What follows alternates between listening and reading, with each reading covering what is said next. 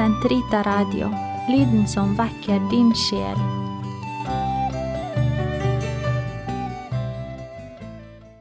Den katolske kirkes katekisme, uke 40, søndag 23.02 til 23.06. Bevaring av freden. Fred. Idet han minner om budet 'du skal ikke slå i hjel', Matteus 5, 21, maner Herren til fred i hjertet og fordømmer morderisk sinne og hat som umoralsk. Sinne er hevnlyst.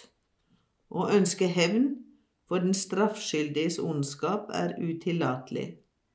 Men det er prisverdig å idømme en soning til forbedring fra laster og opprettholdelse av rettferdighet.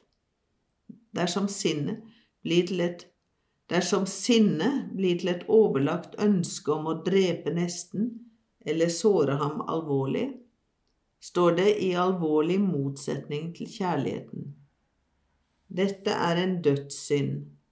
Herren sier, enhver som blir arg på sin bror, skal svare for det for retten. Matteus 5, 22. Overlagt hat strider mot kjærligheten. Å hate nesten er en synd når man med overlegg vil ham ondt. Å hate nesten er en alvorlig synd når man med vilje ønsker at det skal gå ham alvorlig galt. Men jeg sier dere, elsk deres fiender og be for dem som forfølger dere, slik at dere kan bli barn av deres far i himlene. Matteus 5, 44-45 For at menneskets liv skal aktes og vokse, krever det fred. Fred er ikke bare fravær av krig, og begrenser seg ikke til likevekt mellom motstridende makter. Det kan ikke bli fred på jorden uten at de enkeltes eiendom sikres, uten fritt samkvem mellom mennesker uten aktelse for den enkeltes og folkenes verdighet, uten aktiv handling i brorskap. Fred er ordens rolighet.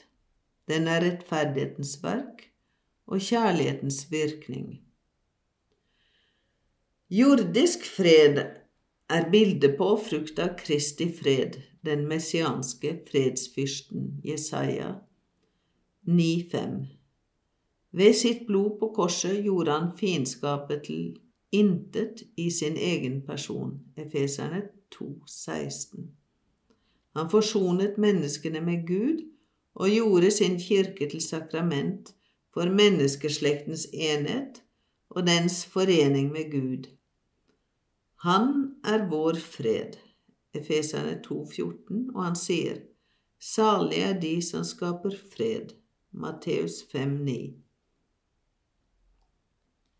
De som avstår fra vold og blodsutgytelse, og som griper til midler som er tilgjengelig for de svakeste i forsvar av menneskerettighetene, avlegger et vitnesbyrd om evangelisk kjærlighet, under forutsetning av at dette gjøres uten skade for andres og samfunnets rettigheter og plikter. De bekrefter på en lovlig måte hvor alvorlig fysiske og moralske risikoer voldsbruk fører med seg, med alt den innebærer av ødeleggelse og død.